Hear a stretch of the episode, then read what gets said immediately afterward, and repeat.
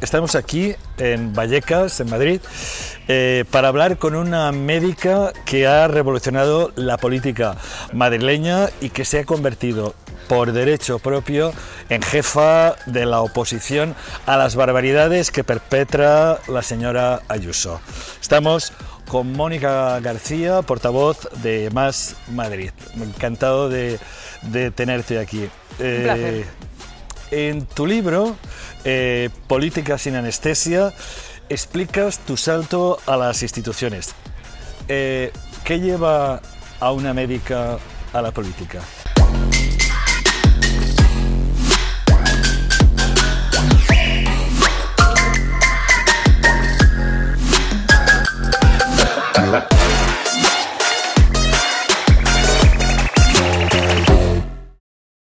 Todo parte de una mm, de unos valores, ¿no? de una vocación de servicio público, de una empatía, ¿no? que son cosas que se aprenden eh, desde la medicina y que, como decía un médico y político alemán eh, que se llamaba eh, eh, la medicina es una ciencia social y la política no es otra cosa que medicina a gran escala. ¿no?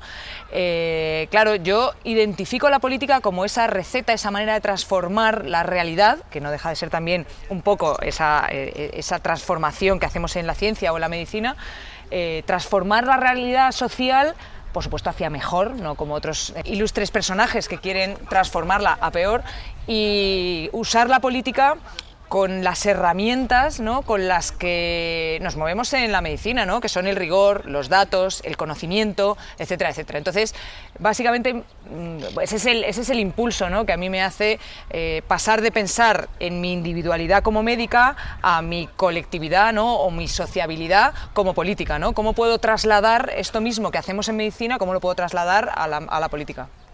A lo largo de todo el libro reflexionas sobre la banalización de la política y la degradación del debate público, en lo que estoy evidentemente muy, muy de acuerdo. ¿Qué es lo que más eh, te sorprendió al llegar a la política? Bueno, lo que más me sorprendió efectivamente es eh, esa trivialización, esa banalización, esa falta de profesionalidad ¿no? dentro de la política, esa falta de rigor. Eh, ese alegato constante a la ignorancia, ¿no? al no basar las políticas ni en la realidad de lo que está ocurriendo en la sociedad, ni en una mínima evidencia social ¿no? de, lo que, de a dónde se quiere llegar. ¿no?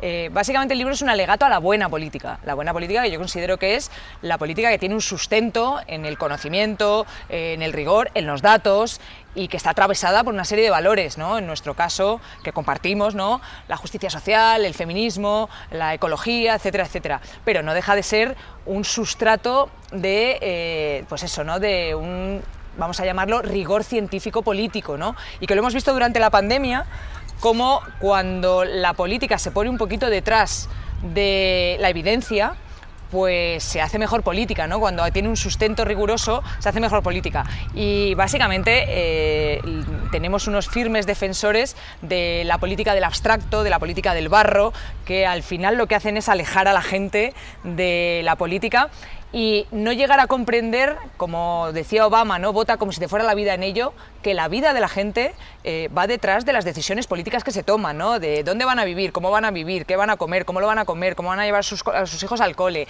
cómo van a cuidar a sus mayores, etcétera, etcétera. Todo eso depende de la política. ¿no? Entonces, en esa estrategia eh, de usar la política siempre como una herramienta de confrontación, de hostilidad, de barro, de ignorancia, porque estamos viendo grandes alegatos a la ignorancia, ¿no? da igual lo que digamos, que lo que necesito es un titular, ¿no? Entonces, bueno, pues eso eh, yo defiendo que tenemos que de alguna manera reconstruir y que tenemos que hacer eh, el arte de la buena política, ¿no? Y el arte de la buena política se hace con buena gente y con gente con buenas intenciones.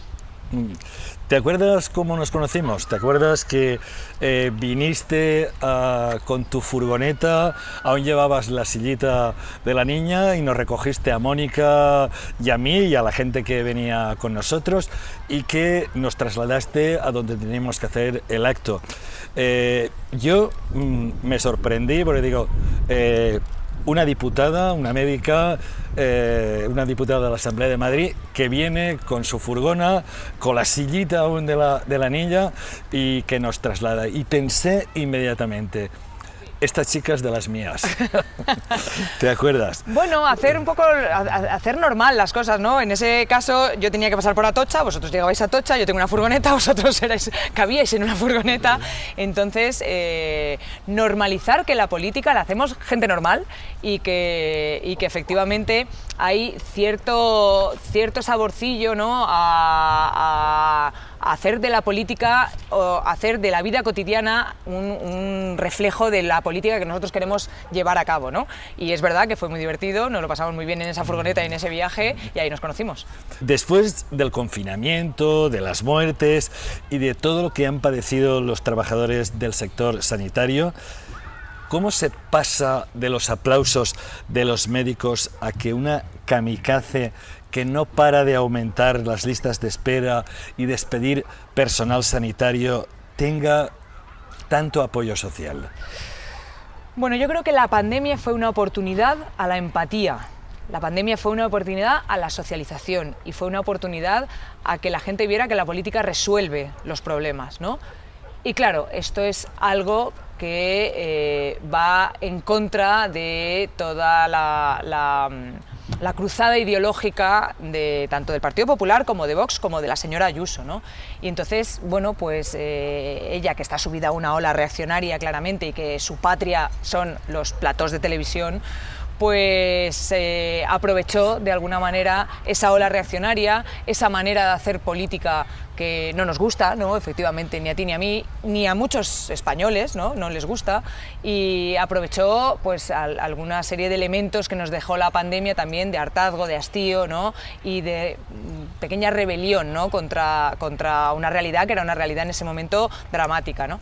Y bueno, yo creo que hay, hay una oportunidad también para volver a recordar lo mejor que fuimos en la pandemia, lo que siempre nos recuerdan las crisis y es que somos un pueblo solidario, somos un pueblo empático, somos un pueblo que queremos vivir en sociedad, que queremos hacer una comunidad, que queremos eh, estar tejiendo una red social ¿no? entre las asociaciones de vecinos, los propios vecinos, los servicios públicos, etcétera, etcétera.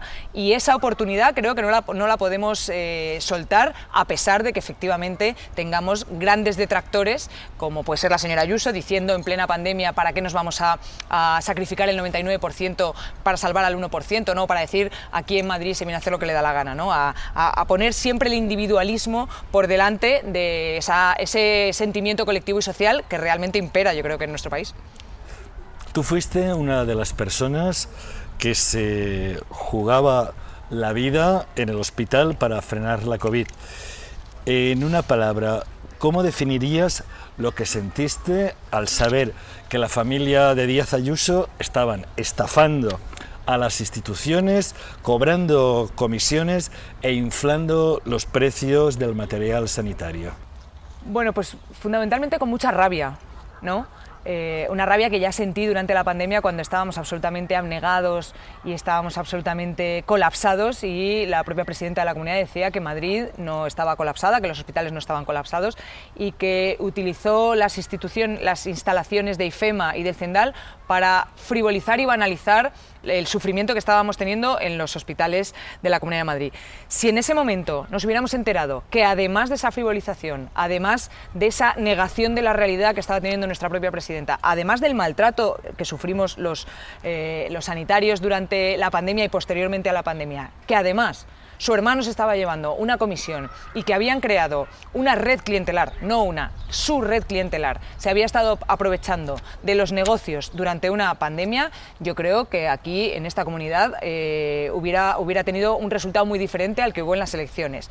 Obviamente, todas estas cosas salen mucho tiempo después, cuando ya se ha olvidado el contexto en el que se dieron, pero el día en el que el hermano de una presidenta de una comunidad se estaba llevando el sueldo de siete años de uno de los médicos que se estaba dejando la piel en uno de los hospitales, ese mismo día estaban muriendo 700 personas en España y estábamos teniendo, eh, no, no, teníamos hueco para meter a la gente en la UCI. ¿no? Bueno, yo creo que parte de la estrategia de no tener escrúpulos ¿no? a la hora de gobernar, pues tiene, puede incluso dar resultados electorales, yo no lo dudo, ¿no? Yo creo que puede dar los mismos resultados electorales eh, fulgurantes que han podido tener pues el mismo Trump, Bolsonaro, Johnson, etcétera, etcétera, ¿no?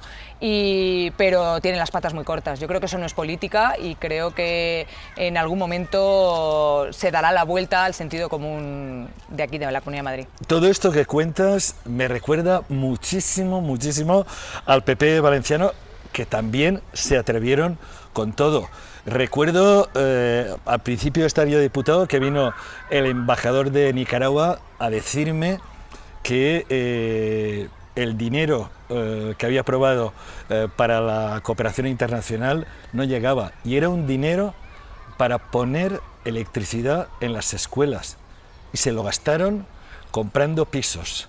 Es decir, creo que son historias paralelas eh, de las que afortunadamente eh, allá en, Valencia hace tiempo que eh, pasamos página. Se abre el telón, aparece un gobierno del Partido Popular, se cierra el telón, por supuesto la gestión del telón se le da a una empresa amiga. Hay un comisionista que se lleva el 20% del telón para la saca, el resto del telón por supuesto se cae. A cargo de la función ponen a Tony Cantó, la función luego se la llevan a Arabia Saudí por un par de palos. El teatro se vende a un fondo buitre, los madrileños nos quedamos sin el teatro, sin la función y sin el telón. Aparece un sumario judicial que se llama Caso Telón. La culpa lo tienen la oposición o la fiscalía porque son de izquierdas. ¿Sabe cómo se llama la película? La película se llama Libertad. Durante la campaña electoral madrileña escribí en el diario.es no permitamos que la extrema derecha consiga, con, amenazas, con bulos, con provocaciones, que no se conozca lo que pasará en Madrid en los próximos dos años.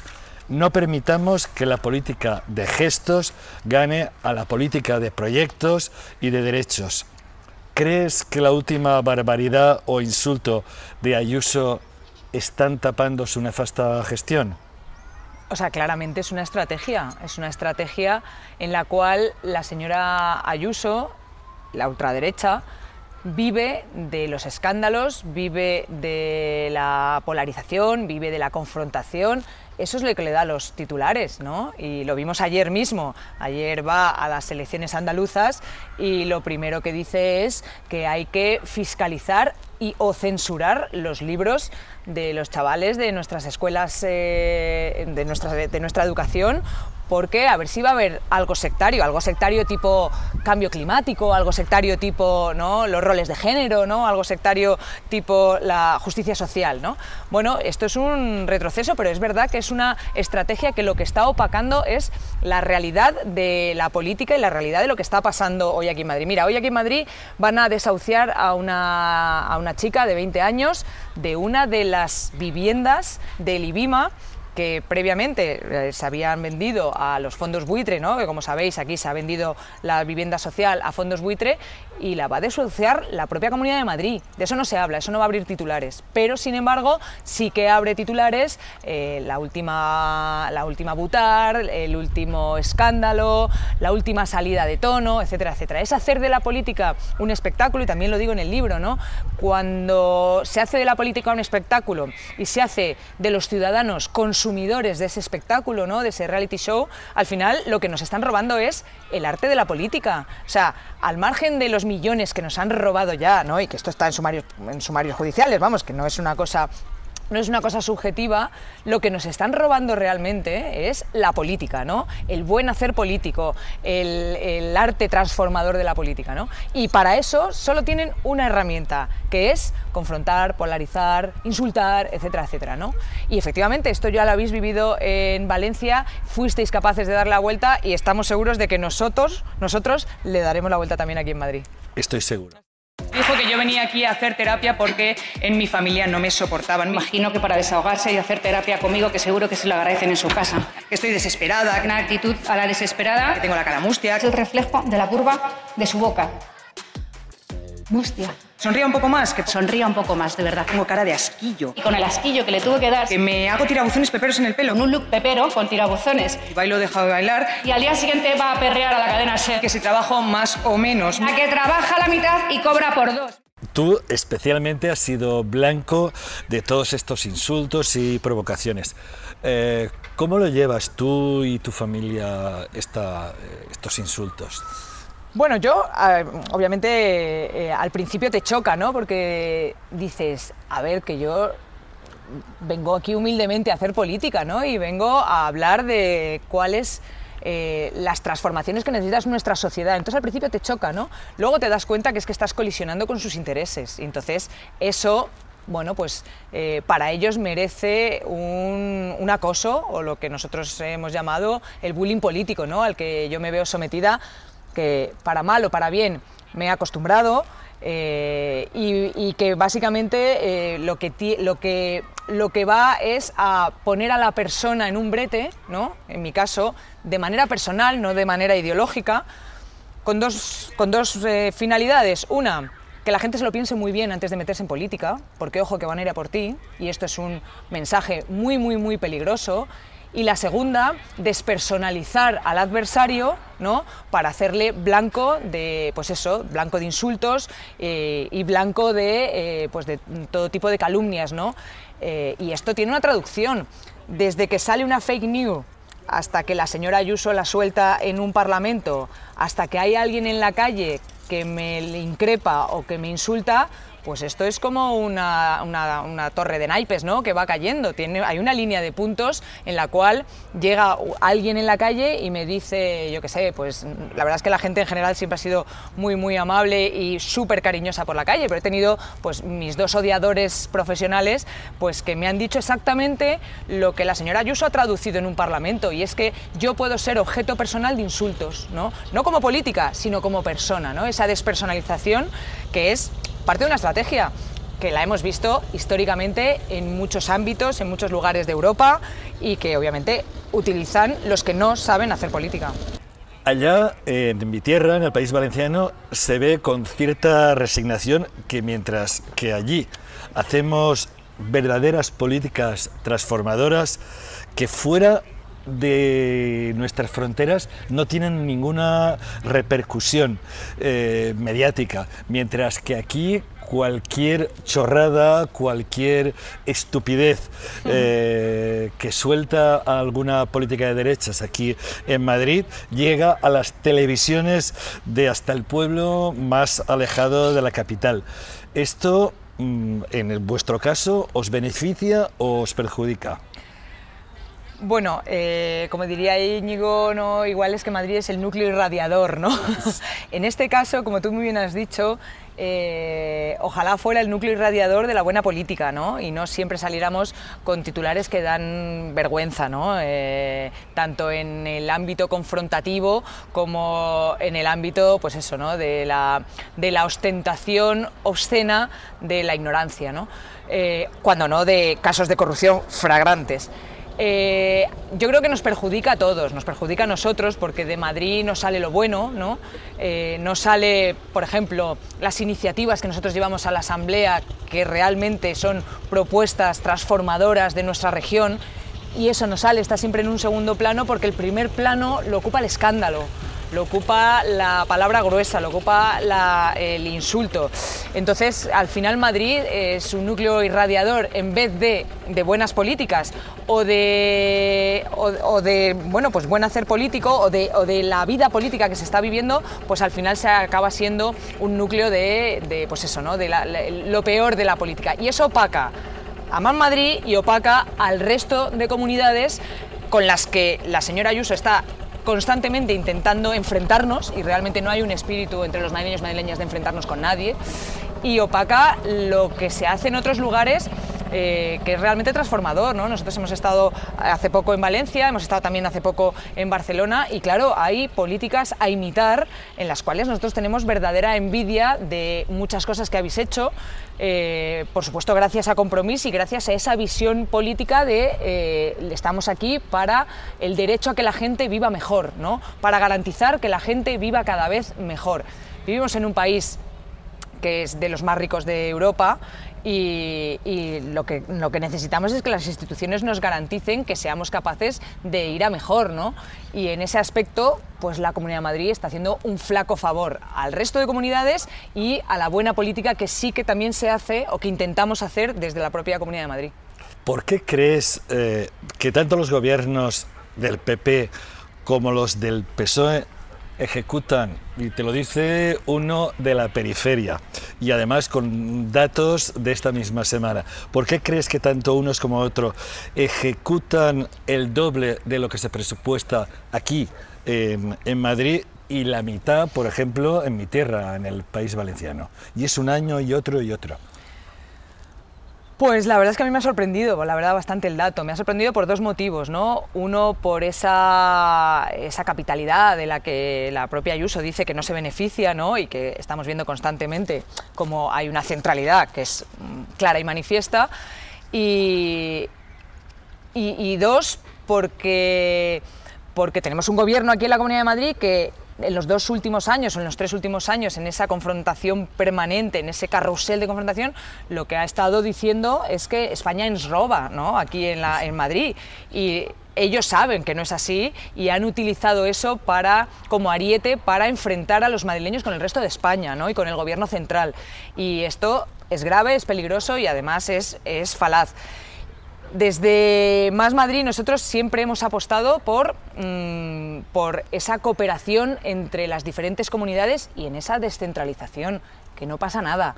Quiero decir que no va a haber un drama nacional porque seamos capaces de equilibrar un poquito la balanza, ¿no? Si nosotros queremos equilibrar la balanza aquí en Madrid, en la propia comunidad, ¿cómo no vamos a quererla equilibrar en el resto de España, ¿no? Porque no defendemos derechos individuales, defendemos derechos colectivos y derechos civiles. Y la sanidad tiene que estar garantizada en el último pueblo de Valencia y en el último pueblo de la Comunidad de Madrid. Y eso es hacer política a través de los valores, no a través de intereses particulares. ¿no? Por eso, por lo que acabas de decir, es por lo que... Eh, hacemos política juntos. Claro. Porque eh, entendemos que esta es la verdadera política, no la de la confrontación, sino justamente la de intentar que en cada sitio del Estado la gente pueda tener los mismos eh, derechos.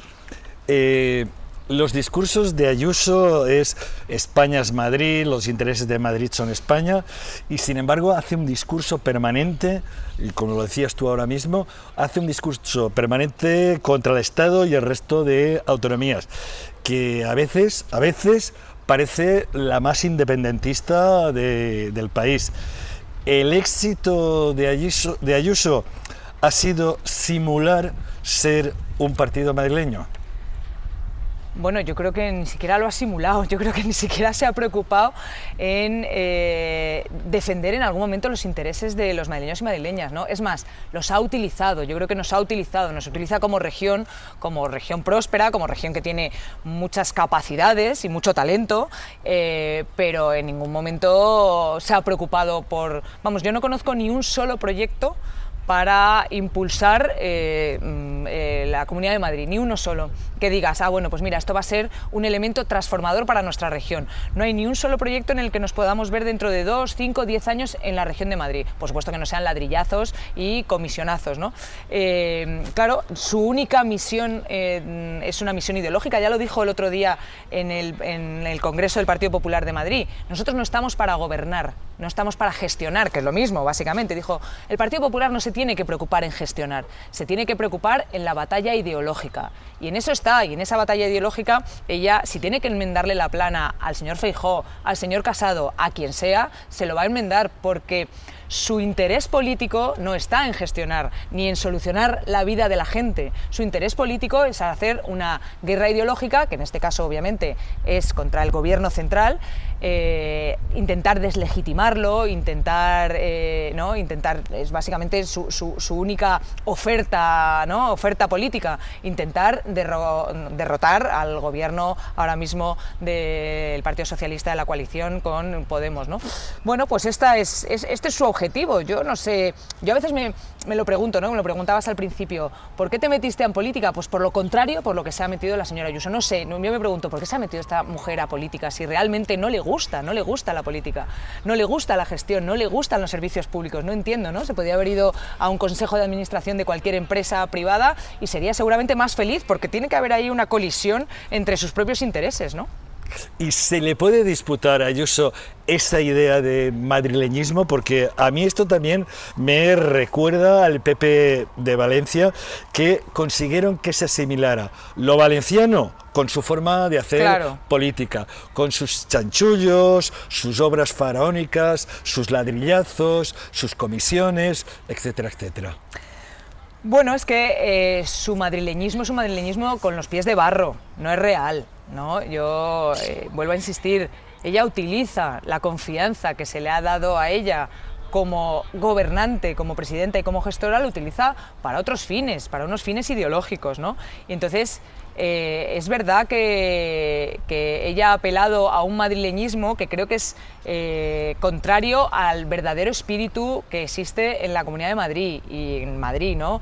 Somos una región abierta, tolerante, empática diversa. Eh, que es verdad que cada uno viene aquí de lugares muy diversos como a buscar una oportunidad, ¿no?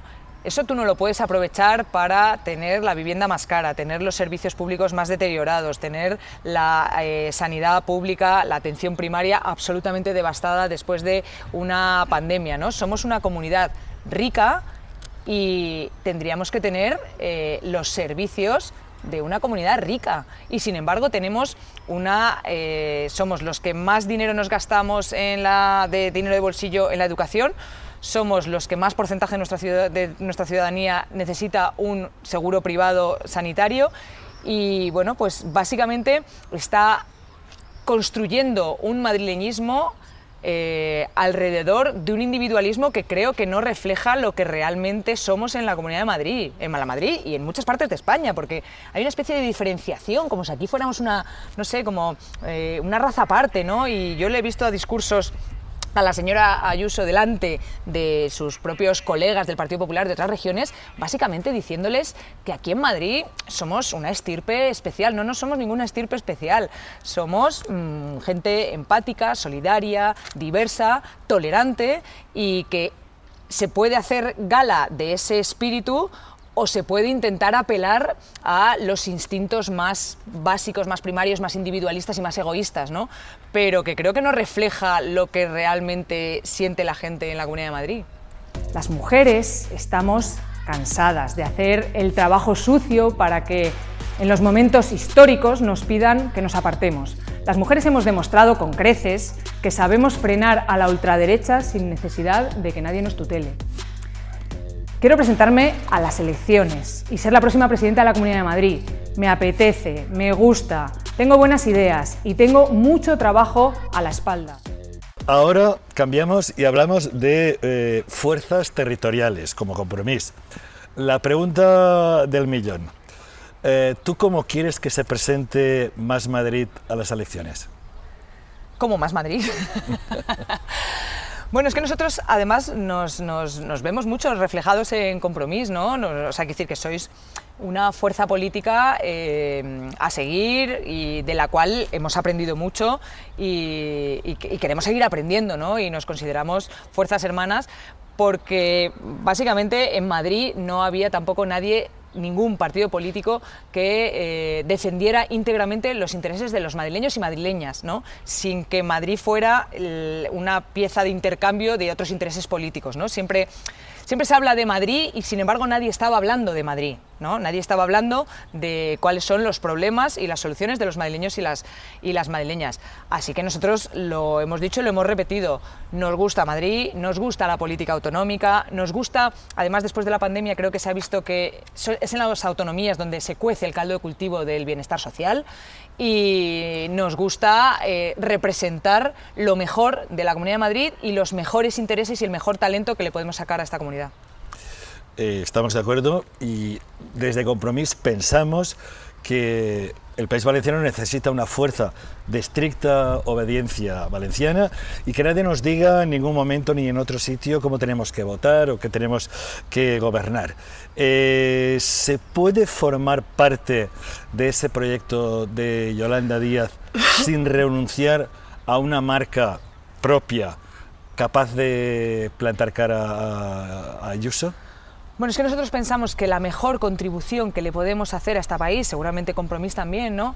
Eh, es eh, recuperar la Comunidad de Madrid para el sentido común progresista. Y eso lo podemos hacer solamente estando centrados en cómo eh, para el 2023 somos capaces de sacar las, este parque neoliberal que han creado en la Comunidad de Madrid, que antes compartíamos con Valencia y ahora nos habéis dejado bastante solos. Afortunadamente. En en. Afortunadamente. ¿Cómo, cómo podemos eh, ser la alternativa a este parque neoliberal, eh, parque temático neoliberal que nos han dejado aquí el Partido Popular después de 26 años? Y esta es la mejor contribución que creo que le podemos hacer al espacio progresista, ¿no? Centrarnos en Madrid y dar la batalla a una señora Ayuso y a un Partido Popular que representan bueno, pues los elementos, a nuestro juicio, mmm, peores de la política en cuanto a corrupción, en cuanto a despolitización en cuanto a descrédito de la política, en cuanto a las mentiras, el uso de herramientas que nos son absolutamente abyectas a nosotros y, y creo que esa es la mejor contribución que podemos hacer desde Más Madrid, ¿no? hacerlo, centrarnos en lo que realmente importa, que era parte de nuestro lema de campaña y ahora mismo creo que lo que realmente importa es hacerle frente a la señora Ayuso y al Partido Popular de Madrid. Eh, fuimos a las elecciones de 2015 y 2016 y aprendimos que a veces sumar por sumar no hace que, en fin, que las coaliciones sean duraderas. Y en cambio, en 2019, con Más País, aprendimos que las relaciones horizontales, de igual a igual, de respeto mutuo, donde se respetan a los territorios, sí lo son, sí que pueden ser coaliciones duraderas y fructíferas. Eh, creo que eso es lo que hemos aprendido de este camino que estamos haciendo juntos, cada uno en su territorio y eh, creo que es un camino eh, fructífero.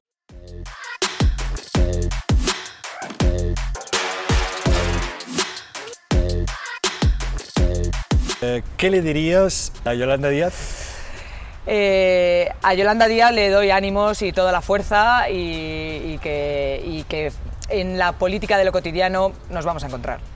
A Isabel Díaz Ayuso. Bueno, pues le diría, por ejemplo, que, es, que la empatía también se aprende. Hay gente que nace con empatía, pero también se puede hacer la empatía y le recomiendo que haga ese trayecto, es un trayecto absolutamente maravilloso. ¿A Íñigo Rejón? A Íñigo Rejón que me debe una caña.